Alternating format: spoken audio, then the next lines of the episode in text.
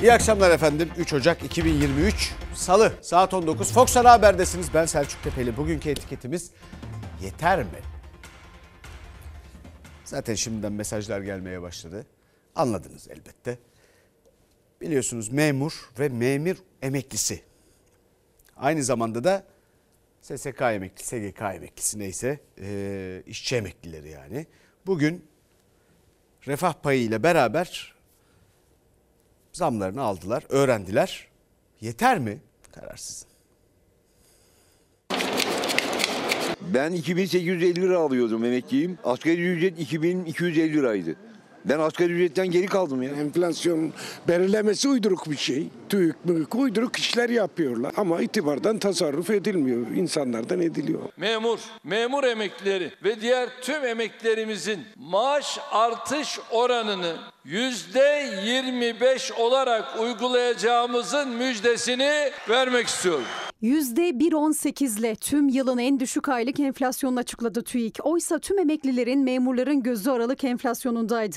TÜİK'in hesabına göre emekliye %15,40, memur ve memur emeklilerine ise %16,48 zam göründü. Saatler sonra Cumhurbaşkanı Erdoğan, Memur Sen'in programında kameraların karşısına geçti. Kamu çalışanları ve tüm emeklilerin zammını %25 olarak açıkladı. Yetkiyi biliyorsunuz kimde olduğunu. Tek işte bir yetki var.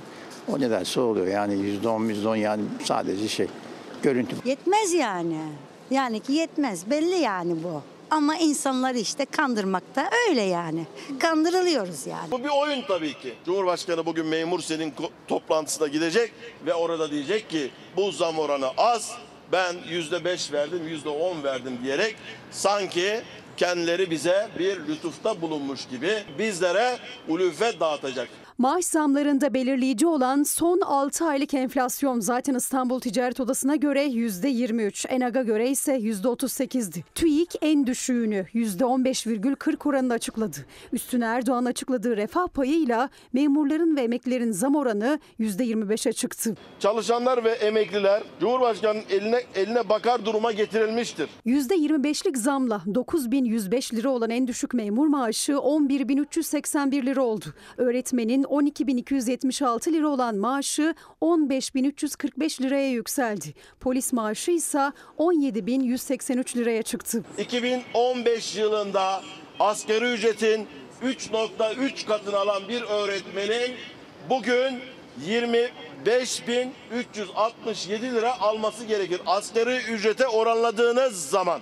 Yine 2015 yılında asgari ücrete oranla 3.2 kat maaş alan bir polis memuru bugün 26.924 lira almaları gerekmekte. Ben en düşük 3500 lira emekli maaşı alıyorum. Hesabını yapsınlar yani. En düşük emekli aylığının ne olması lazım? 6000. Cumhurbaşkanı 3500 lira olan en düşük emekli maaşına yönelik bir artış açıklamadı. 4000 lira maaş alan SSK ya da Bağkur emeklisinin aylığı %25 zamla 5000 liraya çıkıyor. En düşük memur emeklisi maaşı ise 6078 liraydı, 7597 lira oldu. Emekliler ise maaş değil borç kuyruğundaydı. Birazcık kendi giderlerinden kesse de bize verse. Vermediği gibi o vermeden alıyor ya. Maaş için bekliyorsunuz efendim? Niçin buradasınız? ya. Borç ödemeye bekliyor. Ne marşı ya? Şu an banka sırasında borç için. Para aldığımız gibi bitiyor. Efendim şimdi buradan devam edelim. Biraz devam edelim. Sonra ele alacağız. Merak etmeyin. Hazine ve Maliye Bakanı Nurettin Nebati de mühim konulara temas etmiş. Uzun demeçleri var. Bakacağız. Fakat şimdi TÜİK mucizesine bir bakalım. Bir yıllık enflasyon 20 puan düştü. 20 lirada aşağı hiçbir şey yok. Enflasyon yüzde 250. TÜİK'in iddiası şu. Aralık ayı boyunca fiyatlar genel seviyesinde %1.18'lik artış yaşandığı yönünde. Enak'la zaten çelişiyordu TÜİK. İTO ise %2.94. TÜİK'e göre aylık enflasyon İstanbul Ticaret Odası'nın açıkladığı aylık enflasyonun yarısından bile az. %1,18. İki kurum arasındaki yıllık enflasyon makası ise zaten son aylarda açılmaya başlamıştı. Aralık enflasyonunda uçuruma dönüştü. TÜİK'e göre 2022'nin enflasyonu bir önceki aya göre 20 puan birden düştü. %64,27 olarak hesaplandı.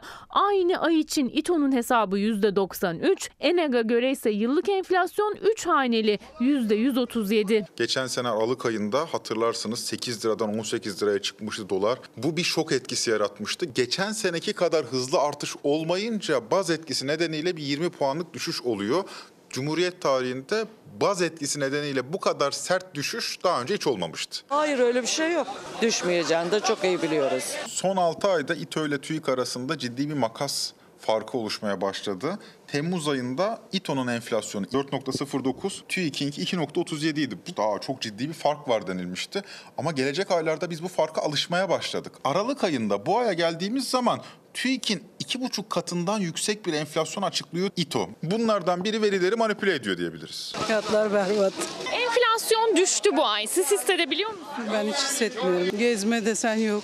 Gıdaya gidiyor. En çok gıda enflasyonu etkiliyor tüketiciyi. Gıda enflasyonu da Kasım'da 3 haneliydi. %102 idi. O da düştü. Aralık ayında TÜİK'e göre %77'ye geriledi. Aynı nedenle, aynı baz etkisiyle bu seneki Aralık ayında fiyatlar artmış olmasına rağmen 12 ay öncesine kıyasla hızında düşme varmış gibi görünüyor. Gıda enflasyonundaki resmi düşüşü tüketicinin hissedemeyeceğinin en net göstergesi çarşı pazardaki fiyatlar. Mevsim meyve sebzeleri çift haneli etiketlerde. Mandalina ve portakalın kilosu 25 lira, elmanın kilosu 20 lira. Bu mevsim bol bulunan muzun kilosu 60 lira. Yine mevsim meyvesi olan kivi kiloyla değil taneyle satılıyor. Tanesi 5 lira. Kiloyla alamazsın ki bunu nasıl alacaksın? Ben de şaşırdım evet görünce. Tanesi 5 lira. Pazar el yakıyor. Kesinlikle yani her hafta farklı farklı şeyler, fiyatlar. Bir yemeğin olmazsa olmazı soğan ve patates ama onun da fiyatı çok yüksek. Pazarda en ucuz soğan 15 lira,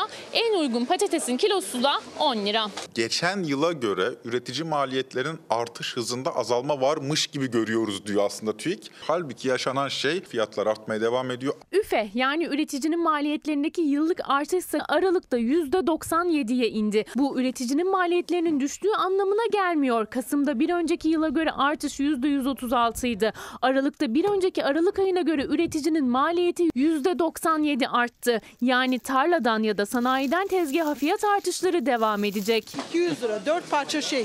Hiç. Kaç gün yetecek size? 2, günlük yemek o kadar. Sonra ne yapıyorsun? Sonra makarnaya talim. Efendim şimdi fazla ısrar yanlış anlaşılabilir. Zaten bu kararlar verilmeden önce veya bu model ortaya atıldığında ondan önce ve o günden beri anlatmaya çalışıyoruz.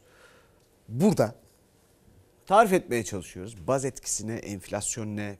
Ya bu memleket iki şeyi anlamakta zorlanıyor. Hepimiz öyleyiz.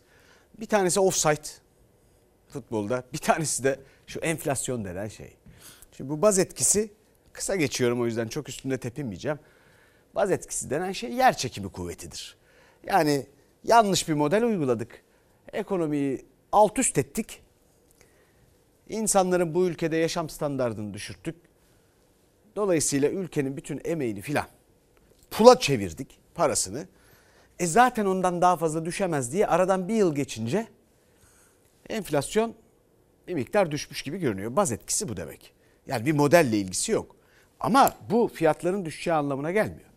Veya düştüğü anlamına gelmiyor. Enflasyon fiyatların artış hızı demek. Hayat pahalılığı demek değil. Hayat pahalılığının üstüne artık ne kadar düşmüşse o kadar daha eklenecek demek fiyatlara. Öyle söyleyeyim size fiyatların sabitlenmesinden filan bahsediyorlar. Bunu da esnaftan, bu ülkenin tüccarından, üreticisinden istiyorlar ya.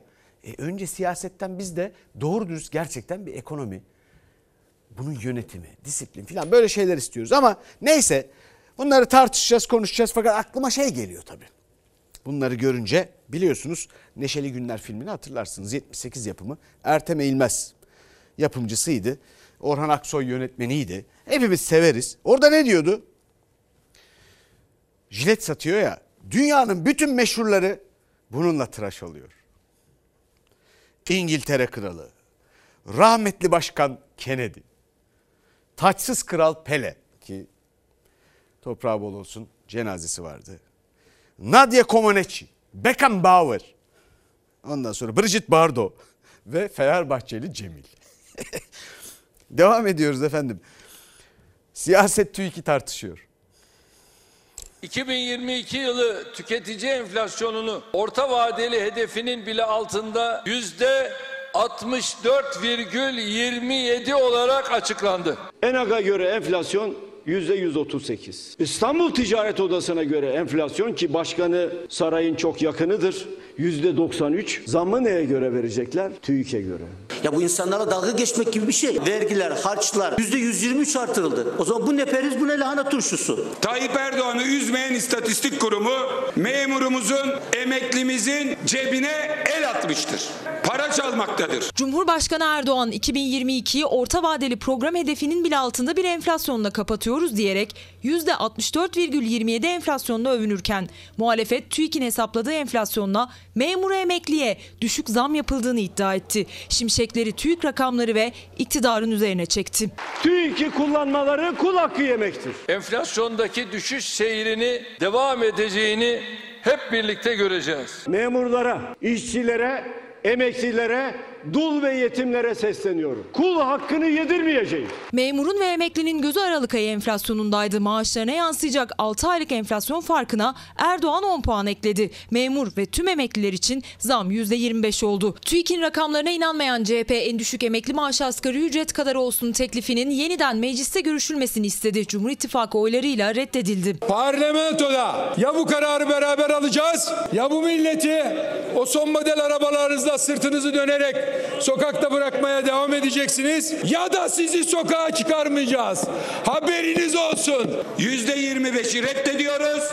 Emeklilerimizin cebinden elinizi çekin diyoruz. Bu tür rakamlarda hiç kimse kendi kafasına göre, kendi hesaplama yöntemlerine göre bir enflasyon veya bir veri açıklayamaz. TÜİK'i rakamlarını ne siz ne ben müdahale etme şart imkanımız var. Yalan, sahte TÜİK rakamına göre bile yüzde 26 zam yapılması lazım ki İTO'ya göre alırsak yüzde 43 zam yapılması lazım. TÜİK vatandaşın sofrasından ekmek çalıyor. TÜİK'in enflasyon rakamlarına tepki gösterdiği için kendisine 50 bin liralık dava açıldığını duyurdu CHP Grup Başkan Vekili Engin Altay. TÜİK açıkladığı rakamlara inanıyorsa ben o parayı öderim çıkışıyla. Enflasyonu düşük göstererek memurun, emeklinin sofrasından ekmeğini çalanlar bunu dile getirdim diye utanmadan dava üstüne dava açıyorlar. Açıkladığınız enflasyona inanıyorsanız ben bu paraları öderim. Milletle alay etmeyin TÜİK. Hedefimiz bu yıl enflasyonun üzerindeki köpüğü tamamen alıp önümüzdeki yıldan itibaren meseleyi ülkemizin gündeminden tümüyle çıkarmaktır. Cumhurbaşkanı Erdoğan enflasyon hedefini 2023'ten 2024'e taşırken muhalefet ise TÜİK'in enflasyonuna inanmıyor. Çalışanın, emeklinin hakkı yenildi diyerek sert eleştirilerine devam ediyor. Evet yeter mi? Bunu siz bilirsiniz. Burada zaten anlatmaya çalıştık. Hayat pahalılığını yaşıyoruz hepimiz. Bundan sonra hafifleyecek mi? Sizin geliriniz artmadan, bu ülke sürdürülebilir bir ekonomiye kavuşmadan. Hiçbir yapısal gelişme yok. İstihdam arttıracak bir şey yok. Dolayısıyla memleket üretmiyor.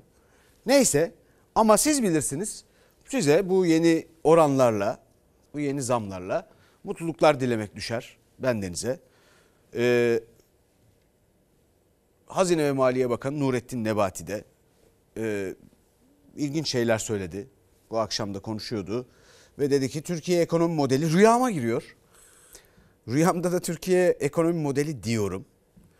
Çoğunlukla uykuda olduğu için zannediyorum ben de. Bu yüzyıl Türkiye'nin yüzyılı olacak. Olacak ama e biz bu Cumhurbaşkanlığı hükümet sistemi uygulamaya başladığından beri 17'cilikten dünya ekonomisinde aldığımız pay sıralama olarak e, 2023'te 22.liğe düştük. Bu şu demek sizin cebinizdeki para gidiyor. Yanlış politikalarla. Dolayısıyla dünya karşısında fakirleşiyoruz. Hayat pahalılığı falan bütün bunlar işte bu sebeple. Vize almakta zorluk çekmeniz bu sebeple. Efendim daha pek çok şey artık bir ara otomobil ya da bir ev alma hayali kuramamanız. Hiçbir mesela emekli olacaksınız, toplu bir para alacaksınız, bir işe yaramaması. Bütün bunlar bu sebeple. Fakat şu rüyaya kafam takıldı. Gerçekten merak ediyorum o rüyayı. Nurettin Nebati'nin gördüğü rüyayı. Bense bambaşka bir şeyden bahsediyorum size. Bakın kimse rüyasını bile göremiyor. Bu ülke su içinde bugünkünden 4, daha, 4 kat daha zengin bir ülke olur. Sadece doğru düz politikalar ve bu politikalara uymayı vaat edecek disiplinli siyasetçilerle, küçük siyasi hesaplar yapmayacak kimselerle, kendi vatandaşıyla zenginliğini bölüşecek, önce onun tadını çıkartmasını sağlayacak siyasilerle. Sizin paranızdan bahsediyorum. Ki buna da 18. yüzyıldan bir kitapla bir alıntı eşlik etsin istiyorum. Louis Sebastien Mercier bir kitap yazmış. O dönem Fransa'da işte işlerini yoluna koymak için filan insanlar tabii böyle eleştirilerde bulunuyor, ediyor. O da gencecik bir insan bir kitap yazmış ve yazdığı kitap yeni yeni anlaşılıyor. Kitabın adı şu Louis Sebastien Mercier. Bir rüya ki hiç görmedik. Bir rüya ki hiç görmedik. O yüzden de bugüne kadar bin kere gördüğümüz bu rüyalar artık kabusa dönmüşken Nurettin Nebati'nin Hazine ve Maliye Bakanı'nın bize daha fazla rüyalardan bahsetmemesinde bence fayda var. Ama dediğim gibi siz bilirsiniz. Siyasete geçelim efendim. İç siyasette bir seçim e, tantanasıdır sürüyor. Milliyetçi Hareket Partisi Genel Başkanı Devlet Bahçeli erken seçime yeşil ışık yaktı.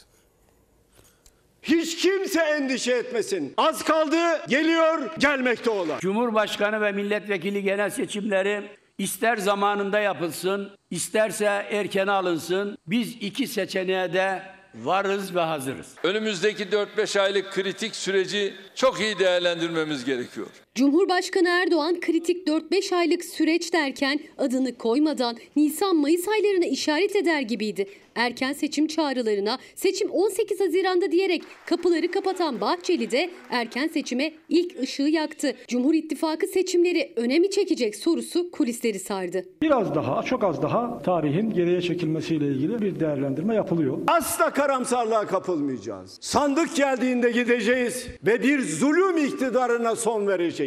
Sayın Kılıçdaroğlu bir kez daha söylüyorum. Adaysan çık açıkla. Değilsen adayınız kim ondan bahset. 2023 seçimleri altılı masa denilen altı benzemezin artık kabak tadı veren kavgalarından tamamen kurtuluşumuzun da miladı olacaktır. Altı ayrı partiyiz doğru ama aynı felsefeden hareket ediyoruz. Tarih ne olursa olsun, Nisan olsun, Mayıs olsun, Haziran olsun. HDP her yönüyle seçime hazırdır. Siyasette bütün yollar seçime çıkıyor. Halkın kararı ve iradesi için oluşturulacak rotada vaatlerde birbiriyle yarışıyor. Asgari ücret, EYT düzenlemesi, sözleşmelilere kadro müjdesiyle övünen Cumhur İttifakı hedef büyüttü muhalefette. EYT sorunu kısmen çözüldü eyvallah. Dediğimizi paşa paşa yapıyorlar. Yapmak zorundalar.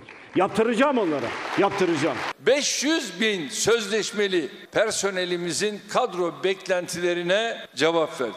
Büyükşehir belediyeleri dahil kapının önüne konan işçilerimiz onların hepsi tekrar yasal düzenleme ile görevlerinin başına dönecekler. Seçimden sonra vatandaşa vaat edilen buradaki temel şey kuru gürültü. 2023 hiçbir çocuğun yatağa aç girmediği güzel bir Türkiye olacak. Uyuşturucu baronlarının, çetelerin Türkiye'den ayrıldığı yıl olacak. Gözler açıklanacak seçim takvimine çevrilmişken Cumhur'la Millet İttifakı arasında vaat yarışı da hız kazandı.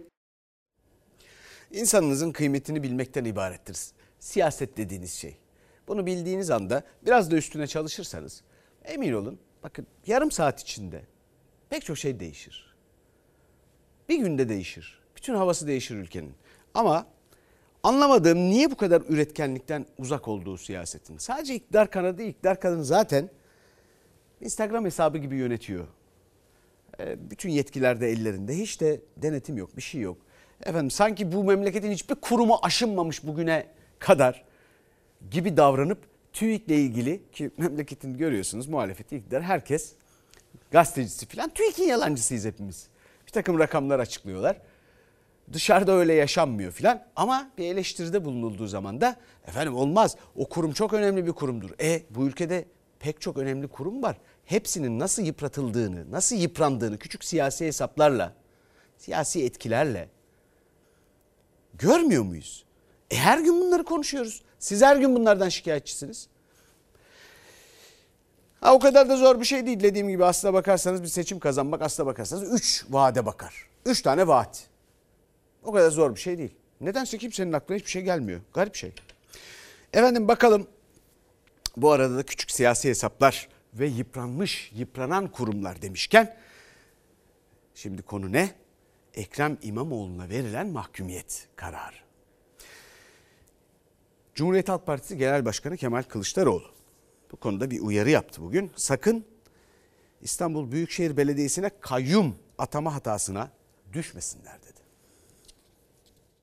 Ekrem Başkanımıza bu komployu devam ettirirlerse, Allah korusun kayyum atama aptallığına girişirlerse, bunu bir diktatörün halkına uyguladığı terörizm olarak kabul edeceğiz. Bunu yapmaya kalkarlarsa kimse daha fazla Bay Kemal'den sabır beklemesin. İçişleri Bakanı bunu bu süreç içerisinde görevden alma hakkına sahip. Sakın bu hataya düşmesinler. Vallahi ve billahi de cehennemin kapılarını açarlar. Hiç kimse için iyi olmaz. Çok sertti CHP lideri. Kumpas kuruyorlar diyerek başladı sözlerine. İstanbul Büyükşehir Belediye Başkanı Ekrem İmamoğlu'nu görevden alıp kayyum atayacaklar iddiasında bulundu. Sert bir dille uyardı. Atamayla gelen hakimlerinize mi güveniyorsunuz? O hakimlerin hangi kantarda tartılacağına karar vereceğiz, göreceksiniz. Adım adım el yükselterek devletin tüm enstrümanlarıyla üstümüze geldikleri bir gerçek. İstanbul'u vermemek için direndiler. Birinci kumpas Ekrem Bey Yüksek Seçim Kurulu üyelerine hakaret etmişti. Bir savcı iddianame hazırladı. İktidarın İstanbul'u geri alabilmek için 3 ayaklı bir kumpas kurduğunu söyledi CHP lideri. Birinci kumpas İmamoğlu'nun Yüksek Seçim Kurulu üyelerine ahmak dediği iddiasıyla açılan dava derken İmamoğlu davasında görevden alınan hakimle ilgili iddiayı dile getirdi. Hakime kim söyledi? Biz istinafı da ayarladık meraklanma. Ceza ver diye baskı yapıldığı iddia edilen hakimin İstanbul'da birinci yılı yeni dolmuşken tayini çıkarıldı. HSK'nın bu meseleye el atması gerekirdi. Yargı bağımsız ve tarafsızdır. Hukuk kökenli milletvekillerimiz Adalet Bakanlığı'na gidecekler. Samsun'a sürülen hakimin iddiaları konusunda soruşturma açılmasını istiyoruz. Eğer soruşturma açılmazsa Adalet Bakanı da bu kumpasın içindedir. Kılıçdaroğlu ahmak davasında görevden alınan hakimin iddialarının araştırılması için HSK'nın harekete geçmesini istedi. CHP'nin grup başkan vekili ve milletvekilleri aynı zamanda Hakimler ve Savcılar Kurulu Başkanı olan Adalet Bakanı Bekir Bozdağ ziyaret etti. Soruşturulmasını, incelenmesinin zaruri olduğunu Sayın Bakan'a arz ettik. Sayın Bakan talimat etkisinin de kendisinde değil birinci dairenin başkanında olduğunu bize belirtti. Aslında ipe un serdi. Bütün hakim ve savcılara da sesleniyorum. Saraydan talimat alıp kendinize göre bir hukuk oluşturuyorsanız bunun hesabını yeri ve zamanı gelince vereceksiniz. CHP liderinin kumpasın birinci ayağı dediği hakimin görevden alınması ile ilgili soruşturmaya Adalet Bakanı kapıyı kapattı. Kılıçdaroğlu ise kumpasların amacı İstanbul'u seçim öncesi almak dedi. Yeni bir saray oyunuyla karşı karşıyayız. Yargıyı sopa olarak kullanarak bir şekliyle İstanbul Büyükşehir Belediyesi'ne çökmek istiyorlar. Seçime İstanbul'un kaynaklarını kullanarak girmek. Ekrem İmamoğlu'na kurulan komplonun tek sebebi budur. İstanbul Büyükşehir Belediye Başkanı Ekrem İmamoğlu da çarşamba günü bir kez daha Saraçhane'de iddialar ve dava ile ilgili kameraların karşısına geçecek. Valla Birleşik Arap Emirlikleri, Suudi Arabistan ve belki de İstanbul Büyükşehir Belediyesi hani seçimin finansmanı filan hükümetin kafasında bilmiyorum diye kuşkulandığımı söylemiştim. Ondan bahsetti Kemal Kılıçdaroğlu fakat şundan bir türlü bahsetmiyor. Bunu da anlamakta güçlük çekiyorum. Ya bu kararın zaten bozulması lazım diyorum. Ceza muha- muhakemesi kanunu 298 188 iki, iki maddeye göre yedek hakim yok. Var mı yedek hakim? Var mı yok mu? Yok. İkincisi yargılamanın sonunda hakim değiştiriyorsun. Hiçbir duruşmaya girmemiş. Hiçbir delile dokunmamış. Tanıklarla temas kurmamış. Efendim önceki tutanaklar okundu diye bir tuhaflık ve yargının Türkiye'de bundan kurtulması lazım. Zaten başka bir şeye bakılmadan bozulması lazım bu kararın. Fakat neden bilmiyorum girmiyorlar. Ben bahsetmeye devam edeceğim. En azından memleketimizin hepimizin kulağına küpe olur. Bakalım şimdi bir de eski Ülke Ocakları Genel Başkanı Sinan Ateş cinayeti var. Başkentin göbeğinde biliyorsunuz. Devlet Bahçeli bu konuyla ilgili konuşmadı. Kemal Kılıçdaroğlu ise bir çağrı yaptı. Bu ülkenin başkentinde bir suikat gerçekleşti. Ülkücü hareketin en değerli isimlerinden birisiydi. Akademisyendi. İki kız çocuğunun babasıydı. Bakınız saraydan tık yok. Sarayın stepnesi ise kendi evladına dahi sahip çıkamıyor. Bu hain saldırıyı basit bir saldırı, bir kayıp olarak değerlendiren yaklaşımları da reddediyoruz. Ülke Ocakları eski Genel Başkanı Sinan Ateş'in 30 Aralık'ta Ankara'da silahlı saldırıda öldürülmesinin yankıları sürerken olayla ilgili gözaltına alınan 3 şüpheli adliyeye sevk edildi. Taziye mesajı da yayınlamayan MHP lideri Bahçeli'nin grup toplantısında ne diyeceği merak ediliyordu. Bahçeli yine sessiz kaldı. Soru da almadı. Kürsüde isim vermeden kurduğu cümleler dikkat çekti. Hiçbir dedikoduya aldırış etmeyeceğiz. Hiçbir bozguncunun planına dahil olmayacağız. Davamızı haksız ve şerefsizce suçlamaya çalışanlar vardır. Takibimiz altındadır. Sarayın stepnesi ise sanki en değerli evlatlarından biri öldürülmemiş gibi tek kelime dahi etmiyor. Başkentin göbeğinde güpegündüz gerçekleşen saldırının üzerinden tam 4 gün geçti. Şüpheli sıfatıyla gözaltına alınanlar emniyette sorguda. Tek resmi açıklama yapıldı günler önce. Onda da 3 kişi gözaltına alındı dendi. Aradan geçen sürede gözaltı sayısının 8 ile 30 kişi arasında değiştiği iddia ediliyor ama resmi bir bilgi yok. Olayda kullanılan motosiklet sürücüsüyle iki şüpheli emniyet sorgusunun ardından savcılığa ifade verecek. Tabii ki bize de bilgiler akıyor. Tabii ki çok şey biliyoruz bu konuyla ilgili olarak. Bu işten ne kadar pis kokuların geldiğinin de farkındayız. CHP lideri Kılıçdaroğlu saldırıyla ilgili pis kokular geliyor dedi. Süreci takip ettiklerini söyledi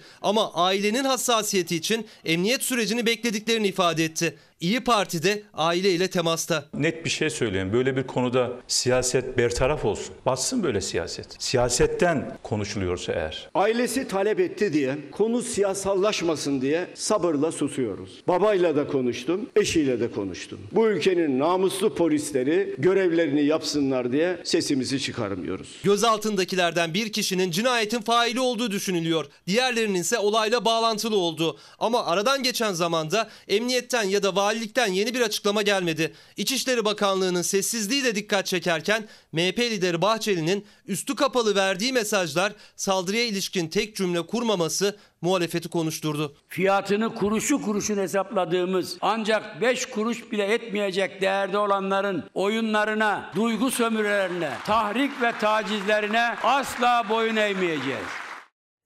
Efendim şimdi ekonomiye dönüyoruz yine.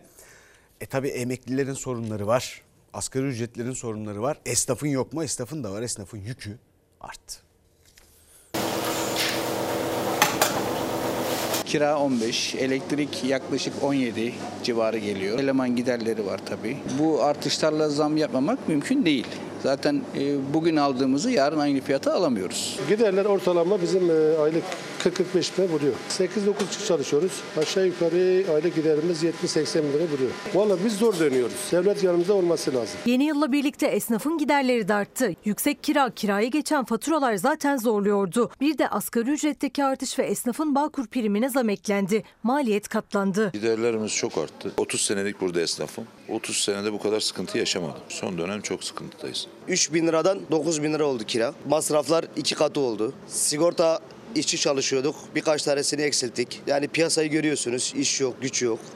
Nasıl olacağını bilmiyoruz. Burada şu anda 6 eleman çalışıyordu. Şu anda 3 eleman var. Çıkartmak durumunda kaldık. Artan maliyetlerle dükkanını ekmek teknesini döndürmekte zorlanıyor artık esnaf. En büyük gider kalemi kira, faturalar, asgari ücretle birlikte artan çalışan maliyeti. Bu yüzden çoğu işletme mecburen eleman çıkarmaya hazırlanıyor. 10 tane eleman mı? 2-3 eleman çıkaracağız. Kendim geliyorsunuz yani kendim geliyorum. Mutfağımda kendim duruyorum. Kendim yapmaya çalışıyorum bir şeyler. Pandemide ben arabamı sattım. Dükkanın kiralarını, giderlerini, personelimin parasını ödedim ya. Pandemide bile çıkartmadım. Şimdi daha kötü tabii. Gerçekten daha kötü şu an. Sıkıntı diz boyu ya.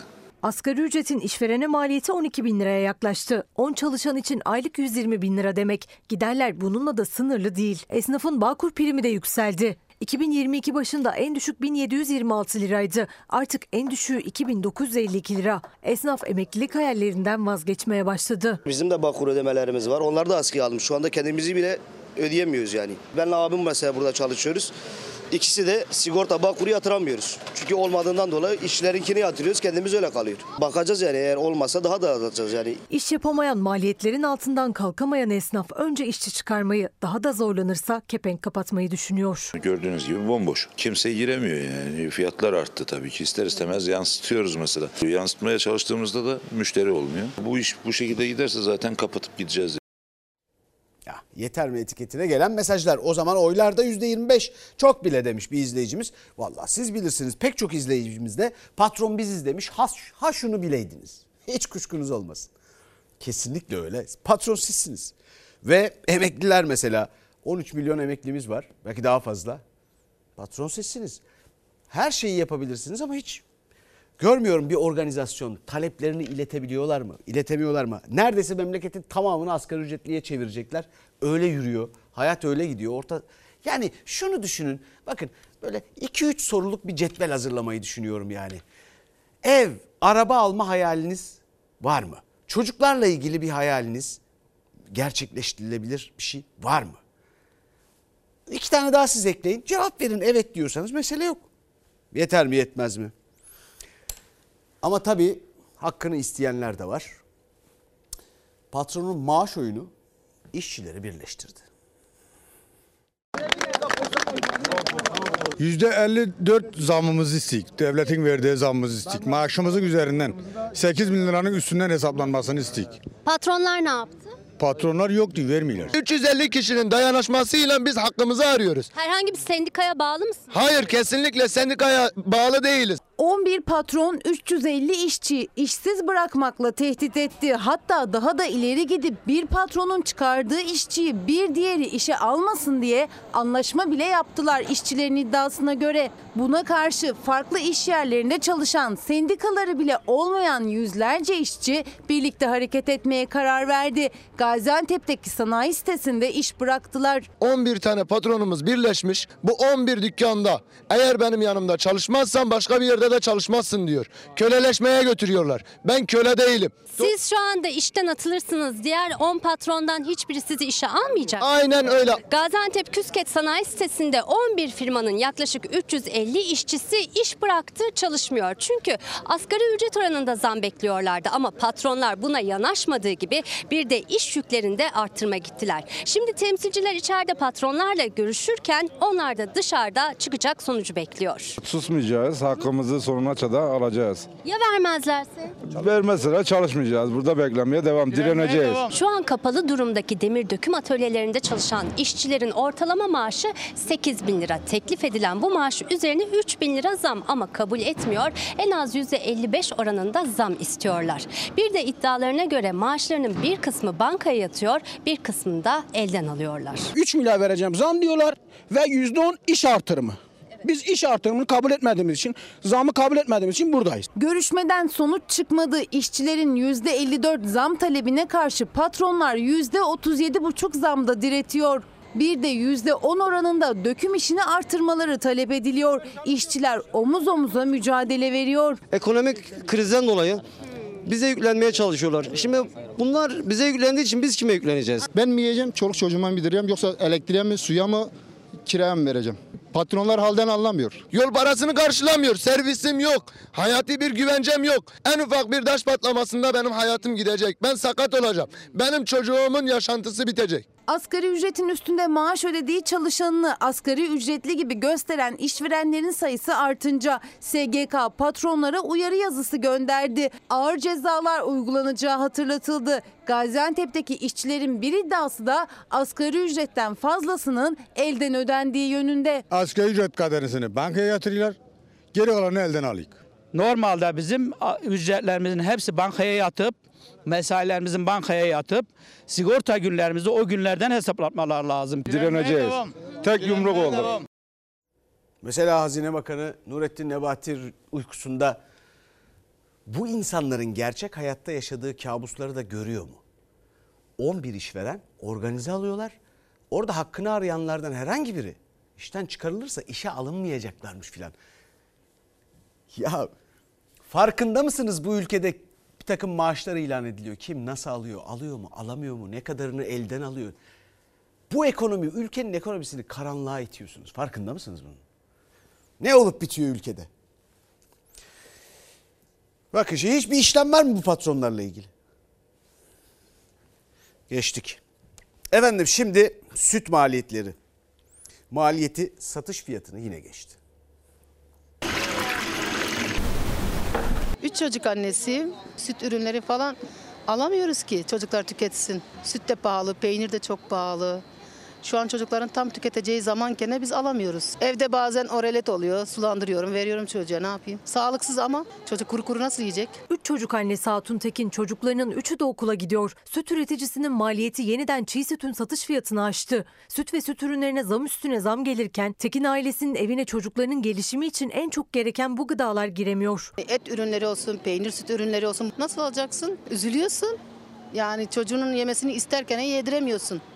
Çocuğun istiyor alamıyorsun. Bu ne kadar acı bir durum. Çocuklar kaşar seviyor. Anne bunu bugün koyar mısın dediği zaman kızım valla bugün yok.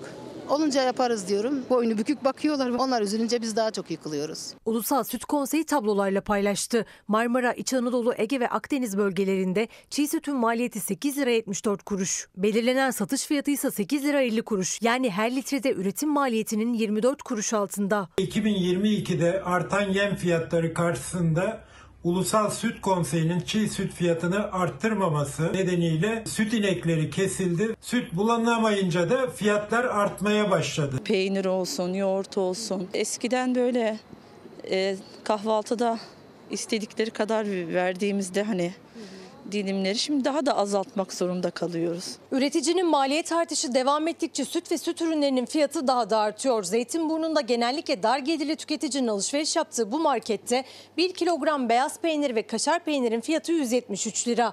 750 gram tereyağının fiyatı 200 lira, orta kalite bir kutu sütün fiyatı ise 19 lira. 6 kişilik bir aileyiz. 1 kilo bize bir hafta gitmiyor. Bir anne baba için çok zor bir şeydir. Yani düşünsene çocuğun peynir istiyor yok, yoğurt istiyor yok, süt istiyor yok. Hani hepsini kısarak yapıyoruz. Atıyorum peynir getirsek kısarak. Eskiden gidiyorduk tenekeyle alıyorduk geri gelince. Şimdi gidiyoruz yarım kilo gramlarla alıyoruz. Fiyatlar o kadar yüksek. Başta yem yüksek maliyet nedeniyle süt inekleri kesime gitti. Hem üretim düştü hem de maliyetler yükselmeye devam etti. Ulusal Süt Konseyi ilk kez maliyet tablosunda satış fiyatının üstünde rakamlar paylaştı. Ancak henüz üreticiyi rahatlatacak bir adım gelmedi. Oysa maliyet yüküyle ezilen üreticinin ineklerini kesime götürmesi sadece süt ürünlerinin değil et ürünlerinin de fiyatını arttırıyor. Et ve Süt Kurumu 2 Ocak itibariyle karkas ete zam yaptı. Karkas etin kilosu 90 liradan 120 lira seviyesine geldi. Bu zamlar tüketiciye de yansıyacak. Etteki sütteki zamlara yetişemeyen aileler kimi zaman çocuklarının taleplerini duymuyormuş gibi yapıyor. Küçük kısım var çok seviyor süt yoğurdu. İnanın çoğu zaman istiyor ama duymamazlıktan geliyor. İnsan yıkılıyor. Efendim burada da bir çözüm önereceğim. Biliyorsunuz iş başa düştü. Onu haberden sonra reklamdan sonra bir dakika bölümünde yapacağım ama.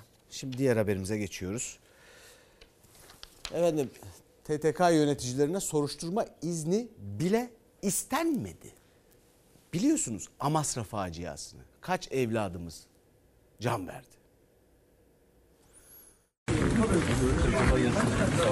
Aradan iki buçuk ay geçti. Kazanın bir numaralı sorumlusu olan Türkiye Taş Gümrükleri Kurumu Genel Müdürü ve e, yardımcısı hakkında bugüne kadar Başsavcılık tarafından bir soruşturma izni dahi talep edilmemiş. Amasra'da 42 madencinin yaşamını yitirdiği facianın üzerinden iki buçuk ay geçti. Ama yürütülen soruşturmada sorumlular arasında yer alan TTK Genel Müdürü ile Genel Müdür Yardımcısı hakkında bugüne kadar savcılığın bakanlıktan soruşturma izni talep etmediği ortaya çıktı. Sonuna kadar gidilecek, bütün sorunlar cezalandırılacak şeklinde büyük açıklamalar yapıldı.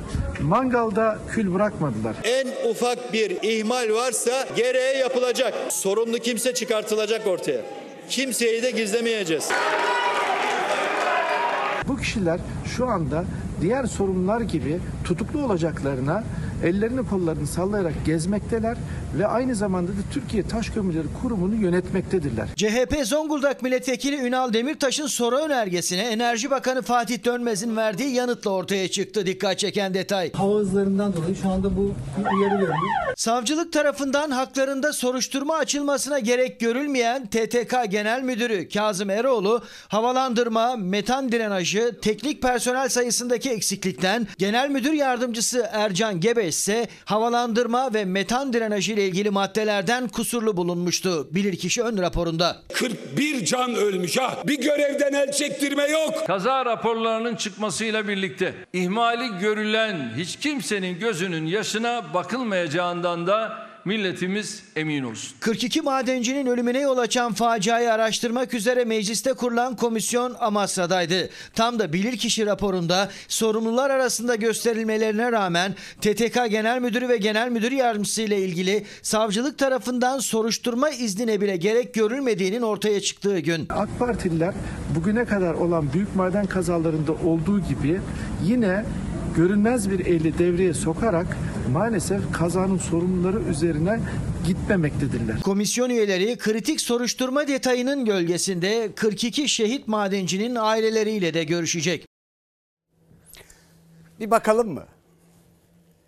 Efendim Kazım Eroğlu, Türkiye Taş Kurumu, Kurum, Kömürü Kurumu Genel Müdürü ve Genel Müdür Yardımcısı Ercan Gebeş. Efendim gözünün yaşına bakılmayacak. Kaç tane demeç duydunuz? Cumhurbaşkanından duydunuz. Bakandan duydunuz.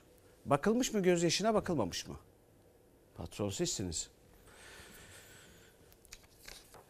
Efendim aile hekimleri onların da pek çok meselesi pek çok sorunu var. Fakat bu çok acayip. Sözleşmelerinin feshedildiğini reçete yazınca öğrendiler.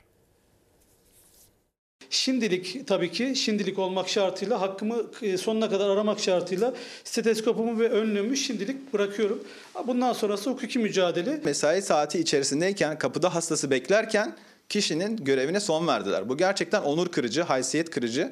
Yani hekimlik mesleğine saygının bittiğini gösteren bir uygulama. 15 yıllık bir hekim olarak bir eczacı vasıtasıyla ben işten atıldığımı öğrendim. Aile hekimlerine uygulanan ceza yönetmeliği Anayasa Mahkemesi tarafından iptal edilmişti. Buna rağmen aldığı ceza puanı gerekçe gösterilerek iş akdi feshedildi 15 yıllık doktor İbrahim Hakkı Aydın'ın. O ceza puanlarından biri de Konya'da şehit edilen doktor için Türkiye genelinde düzenlenen iş bırakma eylemine katılmasıydı. Yeni yılın ilk iş günü hastasına yazdığı reçetenin geçersiz olduğunu eczaneden öğrenerek iş akdinin son bulduğunu öğrendi Doktor Aydın. Üstelik yalnız da değildi. Onun gibi sessiz sedasız iş akdi feshedilen başka aile hekimleri de vardı. En üst seviye mahkeme bile bunu söylemişken İstanbul'daki herhangi bir komisyonun bu mahkeme kararının üzerine çıkarak bir karar vermesi gerçekten akılla bağdaşmıyor.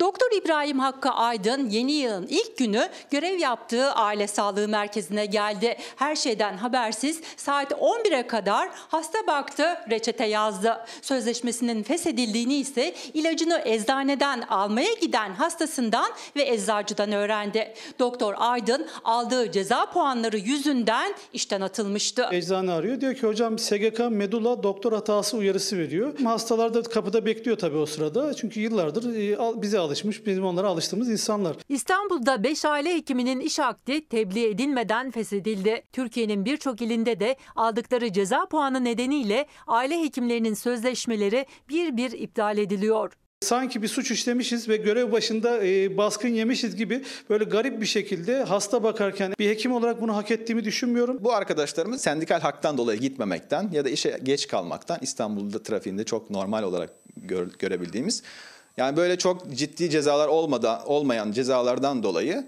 şu an işlerinin başında değiller. Görevlerinden alınan aile hekimleri hukuki yollarla haklarını arayacak. Sonuçlandığında tabii ki görevime iade edileceğim. Ama oradaki süreçte ben mağdur olacağım. Benim e, hayat düzenimle ilgili değişiklik planlarım olması gerekecek. E, hastalarım mağdur olacak. Bu ay maaş alamayacaklar. Ne yapacak bu insanlar? Yani bu şekilde bir fesih olmaz. Ülke genelinde, Türkiye genelindeki yapılan bütün bu aile hekimliği fesih işlemleri şu an hukuksuz. Evet kimin gözünün yaşına bakılıyormuş kimin gözünün yaşına bakılmıyormuş bu ülkede. Ağlamayın patron sizsiniz. Ama bunları da unutmayın. Efendim şimdi taçsız kral Pele'nin cenazesine gidelim.